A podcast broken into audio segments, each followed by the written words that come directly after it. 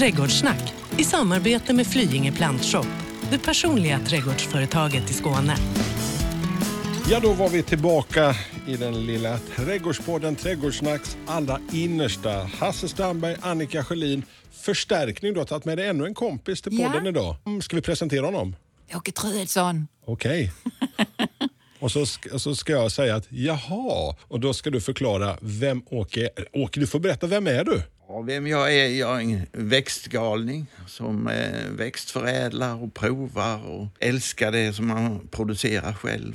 Ja. Eh, där har vi det lite grann. Alltså lite grann med tanke på dagens tema maximalt nyttigt, Annika. Och det är, har jag fullt förtroende för Åke. Han är liksom för mig en odlare av rang som gör det han pratar om och som kan mycket om det han pratar om. och så. Jag kommer nog vara väldigt tyst idag. Du berättade ju i en av våra tidigare poddar, Ät din trädgård, om att ja, eh, när det gäller just det där med frukt och bär, vi tar hit experten Ja. Åke. Liksom. Eh, så, eh, jag har hört att du odlar uppodlade bäddar, berättade Annika sist. Kan du förklara för de som är lite mindre bevandrade? En upphöjd bädd den kom till eh, 1981 och eh, då funderade jag över mina grönsaksodlingar. Jag ville ha det ännu bättre och då eh, satte jag mig under plommonträd. Är man ingenjör så ska man utveckla saker och ting. Eller hur? Ja, absolut. Och eh, så funderade jag en halv dag där. Hur vill växterna ha det? Växter är levande väsen, precis som vi, fast lite annorlunda. Och eh, där ska man tänka på, vad vill de ha? Hur vill de ha sitt liv? Och försöker man uppfylla det, då får man resultat. Och man får också ett sådant resultat att man kan ta ut två, tre skördar per år. Och det är ju guld värt. Men alltså, hur, hur, hur kom du på tanken just att det skulle vara den där lilla pucken? Ja, jag funderade runt och vände och vred på saker och ting. Om vi tar stigen i skogen eller på ängen, växer det bra på den? Nej, inte särskilt. Varför gör det inte det? Ja, den blev nedtrampad. Ja, inte bara nedtrampad, jorden blir packad. Ja, det är ju så. Packad jord kan inte innehålla syre till rötterna. Packad jord gör att det är svårt för rötterna att sprida sig. Och eh, också eh, när man har en packad jord så kan inte växten få upp den näring som den behöver. Och vatten kan inte riktigt tränga igenom heller. Så det är många grejer som spelar in. Det är lite fluff, fluffigare den lilla bädden då? Liksom. fluffig jord som man inte får sätta fötterna på om inte de sitter på en katt. Men Åke, det här med att man odlar i eh, pallkragar, alltså det blir ju lite upphöjt. Tycker du att det är ett bra, alltså ett bra sätt att göra det på om man har den lilla trädgården? Absolut. Ja. Absolut. Alltså skönt. pallkragar. Jag skulle gärna odla i pallkragar men om jag ska ha tusen kvadratmeter i pallkragar så blir det så jäkla dyrt. Men för hemträdgården som bara odlar några kvadratmeter så är det en perfekt lösning. Speciellt om man vill undvika ogräs man har i gräsmattan och så, så lägger man ju en markväv. Så fyller man på med inte bara köpt jord, utan man ska ta den egna jorden och förbättra den. Kanske med köpjord, kanske med naturgödsel och lite trädgårdsavfall och allt möjligt som man kan hitta. Och gärna lite vedaska. Jag vet att det är kontroversiellt det här med vedaska, men det finns kadmium i allt och, och ska man eh, låsa upp någonting där då får vi stänga av stora delar av Sverige och så vidare. Utan vedaskan, det är de mineral som ett träd behövde för att leva. Och en deciliter per kvadratmeter år, den gör underverk. Om man tänker tillbaks på svedjebruket, man fick stor skörd första året. Anledningen, det var vedaska. Ja, du har stora säckar med vedaska he- hemma på tomten. Nej, inte stora. Alltså det behövs inte så mycket. En deciliter per kvadratmeter, det är inga mängder. Alltså då klarar du på dina tusen eller vad du har? Ja. Men du, alltså det här med alltså, nyttigheten i det vi stoppar i oss. Vad är det nyttigaste man i den lilla köksträdgården kan peta ner? Ja, eh, om man säger bärsidan, det är ju nyttigast. För där har de här kloka träden, de har inte bara tanken att de ska sprida sina frö. För det bären är ju tillkomna för att man ska sprida sina frö. Utan de tänker, har tänkt lite längre, nu spånar jag här, men alltså på något vis måste det vara så här. Att växten tänker att om jag ger lite nyttoämnen i de här bären så kommer den som äter mina bär och sprider mina frö, han kommer att vara vitalare och leva längre och så vidare och kan då sprida mer av mina frö. Och då är kanske favoritbäret vilket då? Ja, ett av de nyttigaste bären vi har det är ju havtorn. Ett annat är nypon. Ja, lite, alltså nyponen har fått lite revival. Både havtornen och äh, nyponet har fått lite revival på något sätt. Det har blivit jättetrendigt med, med, med havtorn till exempel. Och havtorn är kanske inte så lätt att odla på ett sätt eftersom den skickar lite rotskott efter tio år eller kanske redan innan. Men eh, den försörjer sig själv ganska bra eftersom den samarbetar. Den har en symbios med bakterier som samlar kväve åt den. Så den behöver bara samla kalium och fosfor och spårelement. Sen kvävet det fixar bakterierna och så får bakterierna i betalning få lite sockervatten av plantan. Vilket då skulle kunna innebära att man kan ha den på väldigt magra jordar. Absolut. Mm, se där. Ja, tänka sig. Det med min lilla täppa hemma i Burlövs kommuns näst största tätort Åkarp skulle kunna fixa detta. I Ryssland odlar man på 6500 hektar sandjord havtorn. Och havtorn är härdigt till mer än minus 50, alltså lägre temperatur än minus 50. Man producerar ungefär 100 läkemedel och hälsokostpreparat av havtorn en stor industri i Ryssland. Man behandlar alla brännskador, alla strålskador och mycket, mycket annat. Psoriasis och eksem och ja, Alltså det, här, det här låter nästan, du, du låter nästan som sån här, tänker man sån här som var ute och sålde medicament på 1800-talet med en sån liten vagn och så botade det det mesta åka. Ja, men så är det. Jag har själv provat det här och eh, det är fantastiska grejer. En andra gradens brännskada du inte kan se idag på grund av att man använder havtorn istället för någonting annat. Wow. Och så, är det själva saften man... Det innehåller väldigt mycket E-vitamin som jag tror har stor betydelse men där är nio olika karotenoider. Det är de här färgämnena. De har exotiska namn som xeaxantin och alfakaroten. Och det som vi hittar i en klassisk morot också till ja, exempel. Ja, det är ofta betakaroten där, men det är också väldigt nyttiga grejer. Ja. Som man lär sig. Ja, alltså jag, jag är helt... Mm.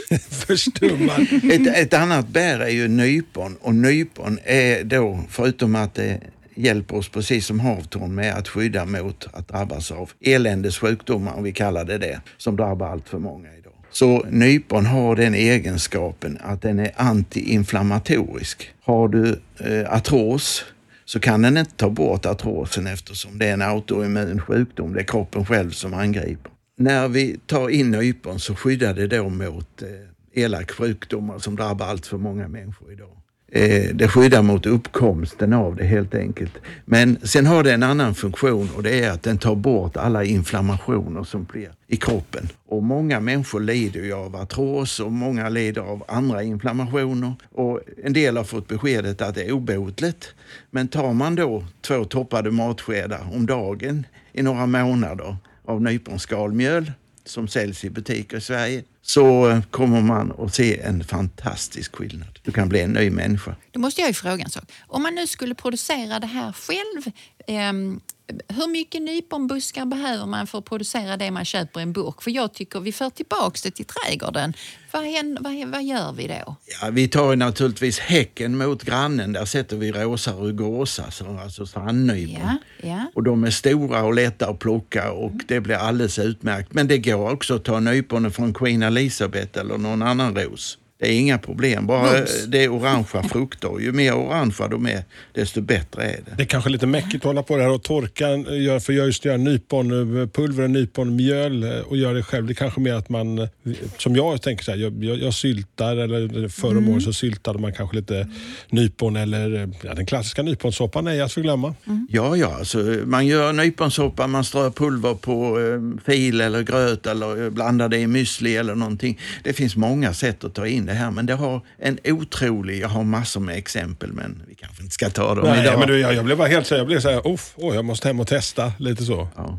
Men om man nu, eh, det finns en annan sak som jag tror du tycker är nyttigt, blåbär. Blåbär, amerikanerna har en lista som heter ORAC. Där klassar man då eh, bärväxterna efter hur mycket antioxidanter. Och antioxidanter det är till exempel C-vitamin som hindrar oxidation. Och hindrar man oxidation av kroppen så är det samma sak som att hindra att en bil rostar. Så ni kan tänka er att om man äter mycket antioxidanter så åldras man lite långsammare, blir lite mindre skrynklig och, och så vidare. Och är lite piggare upp i huvudet. Och... Men du, jag tänker på alltså, färska bär, finns ju väldigt kort tid på säsongen. Jag brukar ut och självplocka, åker och fyller säckavis med de här stora härliga amerikanska blåbären och stoppar in i frysen. Hur är nyttigheten där när man lägger till frysen, Åke? Den är i stort sett samma som när du plockar dem färska, så det är inga problem att frysa in bär. Kokar du dem så kan du förstöra en del av det, men eh, fryser man in dem och äter dem sen så är det alldeles utmärkt. Och det, vi har jättemånga bra sorters blåbär. Man ska bara tänka när man odlar blåbär att man måste byta jord i de allra flesta fall. Man ska ha ett pH-värde i jorden som är ungefär 4 och det ska vara till 30 centimeters djup och varje planta behöver 80 gånger 80 centimeter. En lite surjordsväxt nästan eller? Det är en dramatisk surjordsväxt för det är pH 4, det är lågt. Annika har nämligen lärt mig saker så här med ja, surjordar har vi pratat om. Va? Ja, det är, det är ju så att eh, om man tar hem en blåbärsplanta och sätter ja. i den vanliga trädgårdsjorden så blir det nog inte så mycket av det. Men om man tar två sorter och väljer man då en tidig, till exempel reka, och så tar man en lite senare, till exempel blue crop, eller någon annan så eh, kan man ha skörd mellan början av augusti eller slutet på juli och ända fram till frosten har ihjäl dem. Jag var bara så sent som för, för en vecka sedan och plockade sista som rymdes i frysen. Och där fanns hur mycket som helst ute nu. Och då, nu tror jag att kanske någon som lyssnar tror att när man har ihjäl dem så menar Åke bara att bären är slut men busken är ju kvar så att den, den kommer tillbaka med nya bär nästa år. Den gör så, comeback? Ja, den gör comeback. Ja, den är ju perenn och ja. eh, det är så att när man har haft den i fem år så ska man försöka skära bort sådana grenar som har vuxit i fem år. Det, det, är bra att göra det faktiskt med de flesta bärväxter som vinbär och annat, krusbär. Att man tar bort gamla grenar för det blir mindre och mindre bär och träar och träar och skott så att säga. Så att de ska bort. Men gör man det så får man fantastiskt fin skörd. Och så måste man tänka på att all odling är precis som en kärlek. Man kan inte bara ta, man måste ge. Ja. Låter inte det så som man... Ja, det är så liksom- poetiskt. Ah.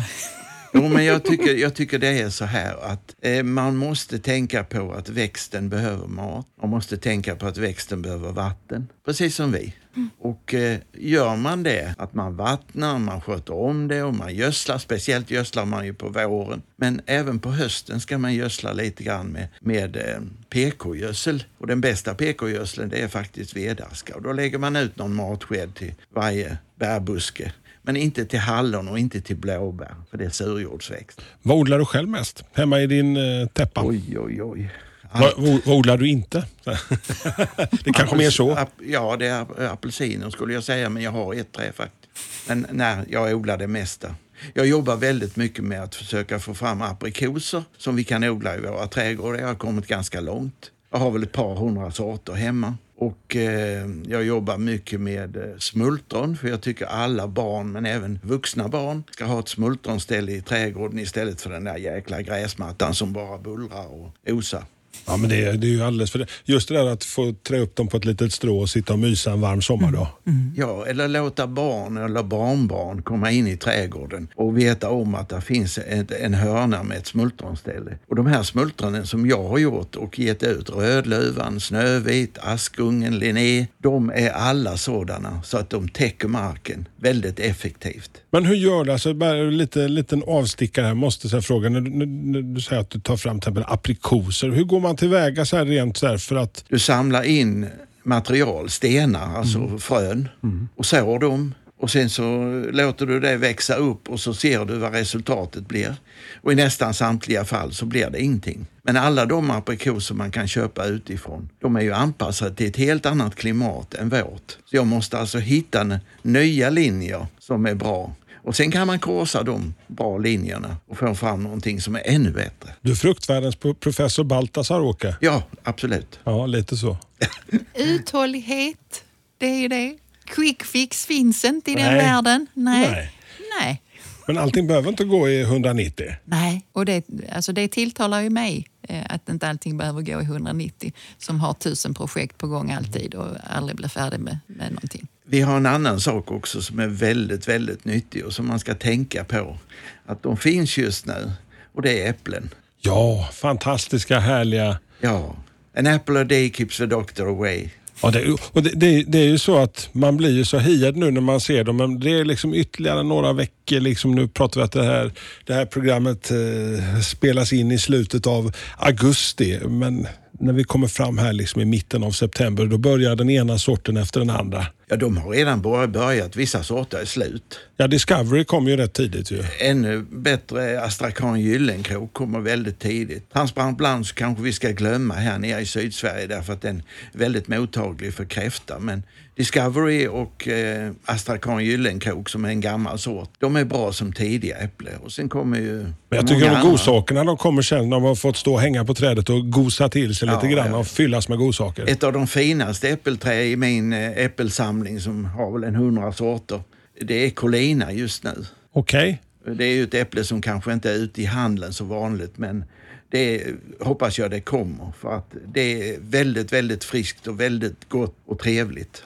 Finns det något sådär extra man kan säga om nyttigheter i äpple? Ja, äpplen, det här gamla uttrycket, då visste man ju att det var nyttigt med äpplen. Men äpple innehåller då mineral och vitaminer. Men sen innehåller de en mycket, mycket kraftfull antioxidant som heter quercetin. Och quercetin finns också i lök.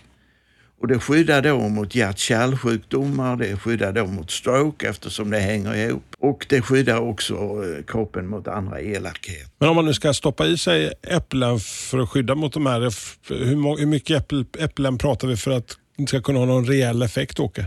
Ja, du har ju hört uttrycket an apple a day Jaha. keeps the doctor away. Är det så? Man kan leva efter den devisen? Ja, ja, så ett äpple om dagen är bra, men äter du två så är det naturligtvis ännu bättre. Men sen vissa människor tål ju inte att man äter åtta äpplen eller någonting för då blir magen lite konstig. Ja, det kan ju bli så.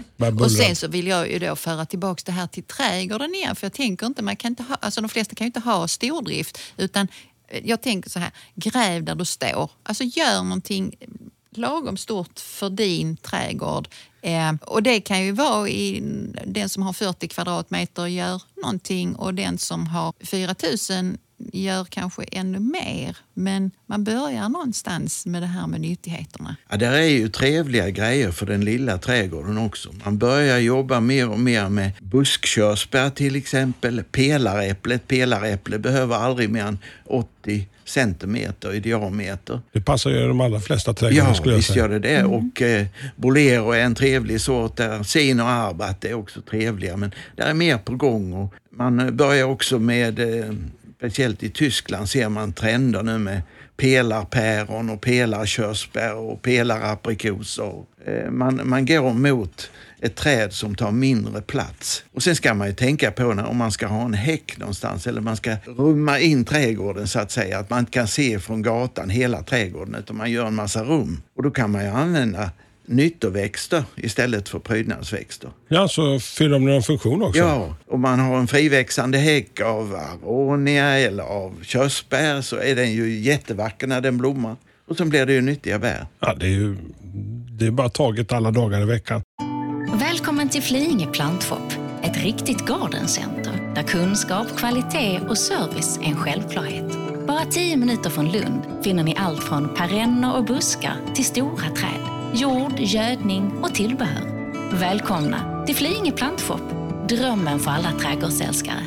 Men jag, jag tänker på det här med äpplen och nyttigheterna. Och, och, och jag som har ett riktigt gammalt äppelträd. Barken börjar spricka upp. Det är nästan som att man fått växtverk. Vet, den börjar krackelera sådär. Och jag har hållit på att klippa den och försökt kriga med den. Liksom. Men det, där är ingen där är ingen riktig skjuts och smak i äpplena tycker jag. De, de, de, trist. Ja, du, när du eh, uttrycker dig så säger du att du krigar med dem. Om du försöker gulla med dem istället, Ja, jo. vill, gör det. Ja, Sen jo. kan Åke få svara. Ja, alltså det största misstaget folk gör är att de har gräsmatta under träden.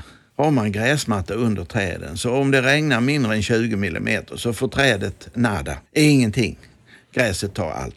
Där har vi nog problemet tror jag. Så öppna jorden lika stort som kronan är och sen täck marken där med, med täckbark eller eh, kutterspån eller eh, Ja, man kan hitta på mycket som man lägger där. Så man släcker ljuset för ogräsfröna. Men innan man gör det så planterar man till exempel påskliljor eller krokus eller tulpaner eller någonting annat. Så att det är vackert på våren och sen vissnar det ner och så har man öppet under träden. För de där lökarna de skadar inte äppelträdet. Men gräset det är en stor fiende till trädet. Så öppen mark under och täck jorden så att man slipper det mesta ogräset. Check på den. Mm. Där lär man sig något Ja, nytt. nu gullade du. Ja. Ja, äpplena blir ju dubbelt så stora och du får dubbelt så många äpplen, minst. Och jag, jag tänker också på just det där med eh, attacker på äpplen, olika sjukdomar. Man har ju sett eh, problemen i de stora äppelodlingarna nu.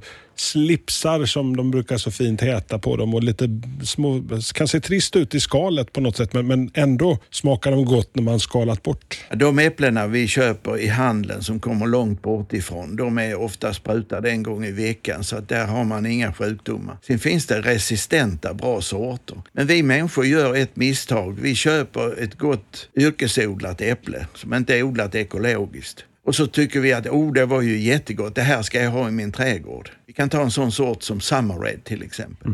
Det är ett jättegott tidigt eh, höstäpple. Och eh, sätter du det i din trädgård så blir det svart av skorv. Och då blir man ju jättebesviken. Så sådana ska vi inte ha i plantskolorna utan vi ska helst ha, det finns helt re- resistenta. Som, Så man slipper den där tradiga upplevelsen och tänka så ger man upp lite grann kan jag känna som... som Ja, ja.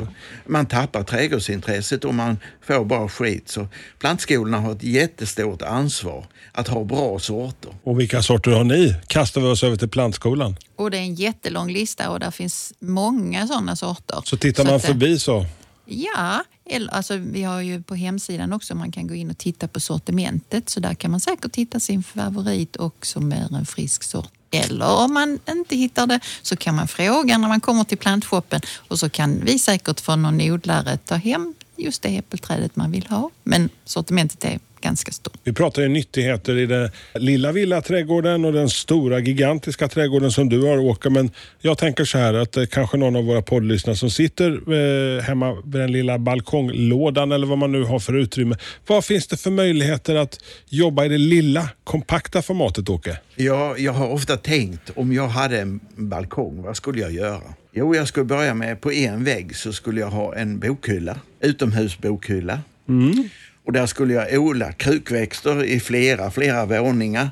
Och krukväxterna skulle kunna vara jordgubbar, kryddor, allt sånt som jag vill gärna ha. Och sen kan vi ha trälådor, snygga sådana. Det finns sexkantiga och fyrkantiga och runda och allt möjligt. Eh, och där har vi 20 liter jordvolym så kan vi faktiskt odla en hallonplanta. Man kanske ska prova med att ha en vinplanta även om det är en tuff utmaning. Men ger man näring som vi pratade om innan så ska det kunna gå bra. Så det finns även lilla stadsmiljön lite nyttigheter att fixa. Ja, och en liten busktomat kanske, en liten gurka. Ja, det finns mycket vi kan göra på en balkong. Och sen kan vi ha lite hängamplar i taket ju, om där är en balkong ovanför. Har några sådana små goda cocktailtomater som dinglar Ja, ner. det finns så många sorter som är underbara. Du vill man lära mycket om tomater så kan man titta på tomatklubben.se Just det, som du har varit med och startat Åke. som jag driver. Ja. Ja, precis. Men du, alltså, eh, det är nästan så vi skulle kunna ägna ett, helt avsnitt bara åt, åt tomater. Men det är nu eh, vi börjar kunna skörda nu och ett par Ja. veckor framåt. Jag har väl skördat tomater sedan midsommar och tomater är en sån gröda också. Så att för att leva på enbart tomater krävs ungefär 15 kilo om dagen. Och det klarar vi inte riktigt av men tomat är väldigt, väldigt nyttigt och det är smalmat. Det är faktiskt 93 procent vatten. Men du, vad är det för nyttigheter vi hittar? Är det också antioxidanter Åke? Det är nio olika karotenoider som är, och då är antioxidanter och kraftfulla sådana. Och sen är det klorogensyra, pikomaginsyra och man har hittat ämnen i gelen runt fröna som motverkar blodproppar. Alltså, tomaten är klassad av, eh, jag kommer inte ihåg vilket, eh, vilket eh, renommerat universitet som uttryckte sig, men att tomaten var det viktigaste livsmedlet för vår hälsa. Men då ska man äta tillagade tomater, lätt tillagade. Det är det bästa. Ja, Men för, för jag tänker så här att jag vet att jag älskar, jag kan bara moffla i mig, precis som du säger, jag kan nog dra i mig de där 18 kilo, kanske inte lite överdrivet men frugan hemma, hon, tycker, hon, hon får ju lätt, det blir nästan de är lite för syrliga liksom i det färska så att man kan nästan få lite halsbränna. på det. Men gör som så att du delar tomater och så steker du dem först på skinnet och då har du lagt salt, Ja. kanske timjan, kanske krossad vitlök, kanske chilipulver ovanpå. Och så steker du dem på- på skinnet först och sen vänder du ner dem och eh, då eh, får du någonting som är väldigt nyttigt och väldigt gott. Och sen kan du göra egen om du får för många tomater. Egen tomatsås, egen tomatketchup. Ja, och en sån klassisk eh, San Marzano-tomat och så få göra dem precis Torkad. by the book. Liksom, va? Ja, torka dem och ha dem sen i olja. Ja, så att man, just det, vanliga torkade tomat. Men där, där är det viktigt att tänka på att när vi förbereder för att lägga dem i oljan så ska vi ha lite vinäger med så att vi inte kan få några felaktiga bakterier. Ja, det, det tomater är något av det bästa och kunna få frossa den här tiden och sen lika gärna få stå och längta istället för att vi ska ju ha allting 24-7. Vi ska ha fantastiska tomater året om. Men jag, jag dissar de här kanarietomaterna och spanska tomaterna. Förlåt alla spanska tomatodlare men sån är jag. Vi, det har faktiskt skett en stor förbättring. I Sverige odlar vi ekologiska tomater egentligen fast de får konstgödning, alltså eh, kemiskt framställd eh, gödning ur luft och salt och mineral, vilket jag inte tycker är så allvarligt. Så i Sverige har vi ju sådana tomater. Holländarna är på god väg och har samma sak. Och spanjorerna har börjat jobba intensivt med det. Så att det är på rätt väg på många ställen. Så att vi kan nog snart äta de här tomaterna med gott samvete. Men det är just den här känslan kan jag tycka, just att, att ha saker som man längtar efter och veta att nu kommer tomatsäsongen eller den första goda svenska gurkan som bara crunchar sådär jättegott. Jo då, jo då. Men det finns mycket som är, är nyttigt som vi ska tänka på. Eh, våra lingon till exempel är väldigt nyttiga för kroppen och tranbär.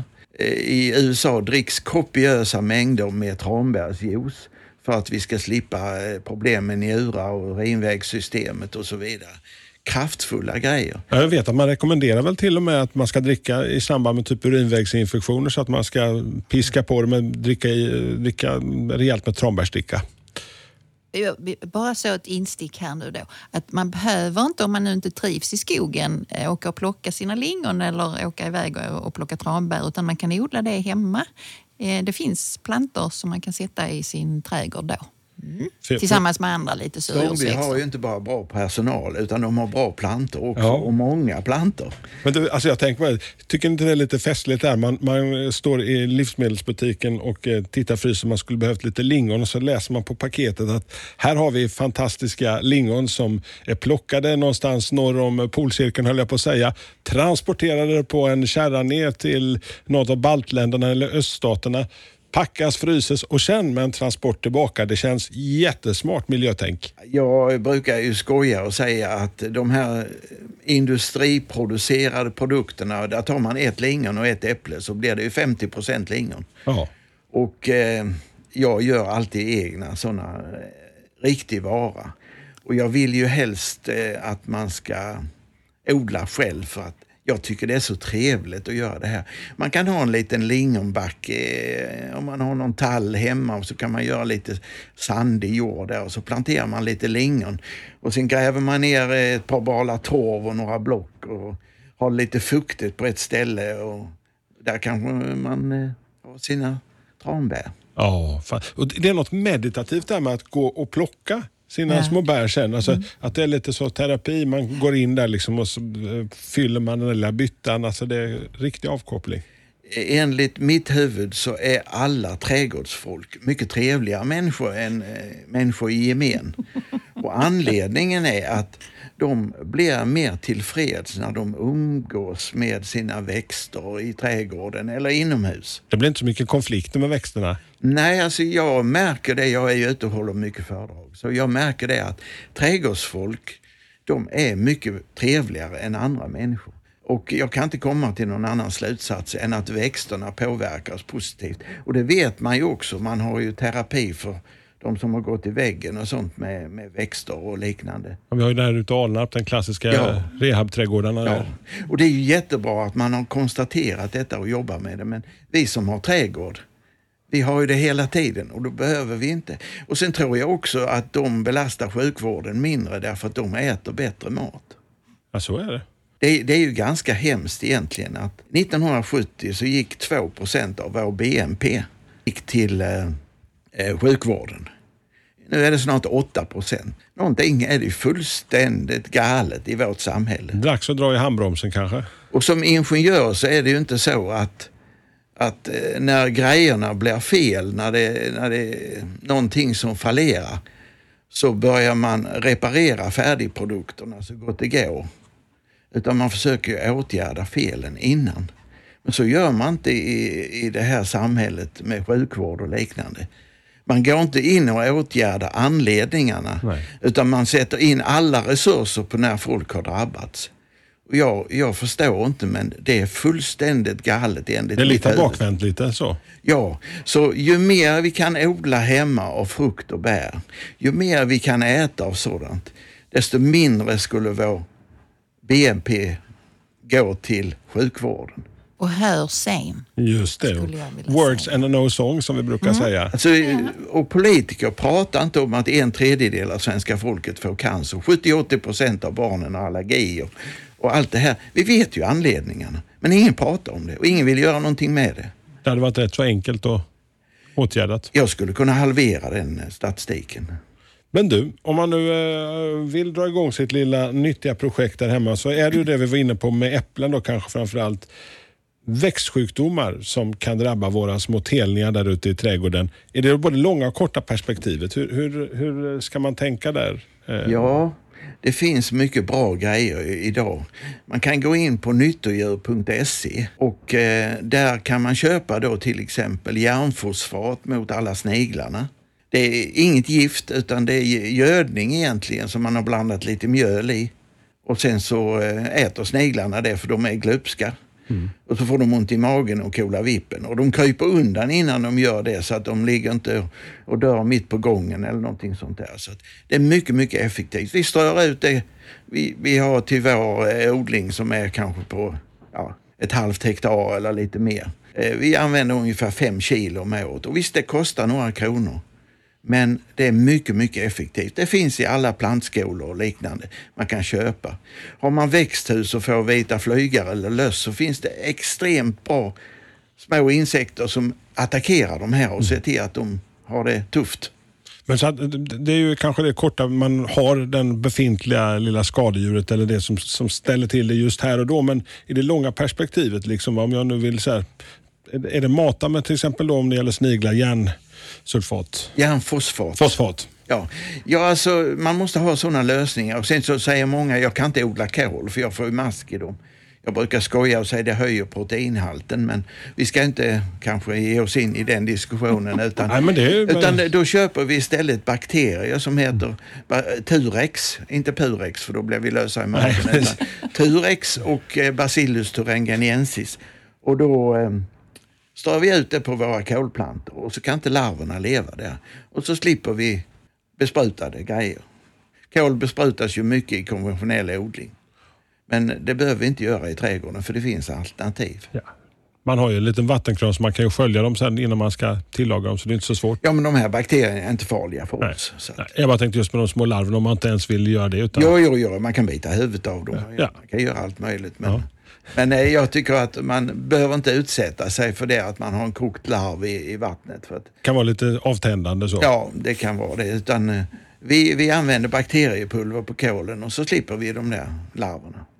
Om, man nu, om man nu tänker eh, lite förslag, Annika, du som jobbar i Flyinge plantfop dagligdags. Vad har du för nyttigheter eh, som du kan rada upp som vi skulle kunna titta förbi? Om vi nu eh, går tillbaka där vi började lite, det här med upphöjda bäddar. Nu har vi våra pallkragar. Ja, Mm, några stycken. Tre, fyra kanske får vi plats med. Eh, av det hade jag gjort någon slags upplevelse nu då. Och då hade jag använt kortsidan av två pallkragar kanske. Och där hade jag haft någon typ av spaljer. Då har vi en ingång eller utgång från vår lilla köksdel. På den spaljén hade jag haft eh, taggfria björnbär, till exempel Thornless Evergreen. Så man slipper se ut som en nåldyna när man varit ute och det plockat. finns andra taggfria också. Ja. Men det kan man liksom sikta in sig på. I den ena pallkragen hade jag även puttat ner en rabarb. Det blir en stor pjäs, så låt den nu ha resten av pallkragen. Elmblitz till exempel, där är inte så mycket oxalsyra i den. Sen i den andra hade jag satt lite olika sorters jordgubbar tillsammans med björnbäret då. Sen hade jag haft en pallkrage eller två med det här med surare jord som Åke var inne på, alltså ett lägre pH-värde i jorden. Och så hade jag satt amerikanska blåbär, då blir de ju ganska stora så då, hade jag, då behöver jag två pallkragar säger vi till det då. Nu är vi uppe i fyra va? Mm. Ja, och då hade det varit två olika sorter amerikanska blåbär i den här sura jorden. Och det som vetter mot solen då hade jag kanske satt någon annan surjordsgrej. Till exempel några plantor lingon eller så. Och vi är ju inne i eh, hösten här Annika. Mm. Är det läge att börja peta ner dem inför nästa säsong nu? Ja, alltså man, det är ju planteringsdags nu. Eh, och det kommer vi att prata om om någon vecka. Men visst, man kan tänka redan nu. Och vi har ju ett jättesortiment ute i Flyinge plantshop i eh, andra veckan i september har vi liksom laddat med årets odling så att säga och nya plantor och sånt i butiken. Så eh, då är det ju absolut att man ska ligga i startblocken för höstplanteringen och då kan man ju göra det här. Det här låter ju liksom görligt på något sätt. För det är inte, Ja. det är inte så också att, att, att kunskapen har bara försvunnit ut på något sätt med att, med att odla och, och fixa och, och, och, och dona med vår lilla köksträdgård framför allt. Jag vill poängtera det här med eh, höstplantering av frukt och bär, perenner. Därför att då har de chans att rota sig i lugn och ro. De får ofta lite regn på sig. Om vi får plan- planteringslust i maj så är jorden ofta torr. Och glömmer vi då vattna så är det tufft för växterna. Så det är mycket, mycket bättre att plantera alla bärväxter, alla Det är inte lika sexigt och roligt att gå där ute i den lite regnblöta, fuktiga. Ja, alltså, men eh, då har vi igen det till våren därför att då mår trädet bra. Och det är ju det vi ska ha. Vi ska ha träd som mår bra. Vår tid är nu för trädgårdsplanterare. Lite så. Jag skulle säga att hela hösten nu, plantera så mycket ni kan och tänk framåt. Och sen så njut av det senare. Och så nämnde du jordgubbar och jordgubbar och hallon innehåller, det är inte nog att de är goda och mycket användbara och så, men de innehåller elagsyra som är en sån där kraftfull antioxidant. Så att ät mycket sånt och sen kan man ju göra godis av det om man torkar det. Ja, just det. Så att man kan nästan, man kan nästan så här smeta ut. Jag vet vi gjorde med blåbären och smeta ut så, och bak, eller körde det på väldigt svag värme i ugnen liksom, så man kunde göra små strips sådär. Vet du att jag kommer ta med mig Åke nästa avsnitt också och då kommer vi prata lite mer om kanske hur man skulle kunna förvara alltså det man har skördat Ja, och lite sånt. för det är vi tar det- ett avsnitt till Ja. eh, där du hänger med va? Du är på? Ja. Veckans fråga i Trädgårdssnack. Sven från Kävlinge har skickat veckans fråga till oss Annika och det handlar om det vi höll på med förra veckan, knölar och lökar lite grann. Han skriver att han skulle vilja ha en riktigt mörk tulpan. Har ni några förslag? Ja, alltså dramatiskt. Queen of Night, det är nog det mörkaste jag kan hitta på i eh, tulpanväg. Ja, Nästan kan, till svart eller? Ja, alltså det är det mörkaste mörkt. Ja, så, så den kan han eh, satsa på. Och sen så, om man nu inte bara vill ha mörkt så skulle man kunna para ihop den med en sort som heter Deep Purple. Den är ju ljusare då, men på något sätt så ser den mörkare ännu mörkare ut Jag kommer när den dra får den en med min gamla. Attila annars, det tycker jag. Det går också bra. Ja. Du kunde ju jättemånga tulpansorter eftersom du hade hållit på med det när du var barn. Just det, exakt. Ja. I min lilla ungdom så tjänade jag pengar på Henrikssons handelsträdgård. Ja. Ja. Så nästa vecka då, frukt och bär, årets dessert. Kan Ja. det vara någonting? Så. Då tar vi med Åke igen. Det är fantastiskt. Vilken lyrik. Stort. Tack eh, Åke och välkommen tillbaka. Trädgårdssnack i samarbete med Flyinge Plantshop, det personliga trädgårdsföretaget i Skåne. Välkommen till Telenor röstbrevlåda. Hej lilla gumman. Det är pappa. Mamma sa att du hade ringt. Ring mig igen. Jag är hemma nu. Puss puss. För att repetera detta meddelande, tryck Spara samtalet när du förlorat den som ringde på telenor.se calls.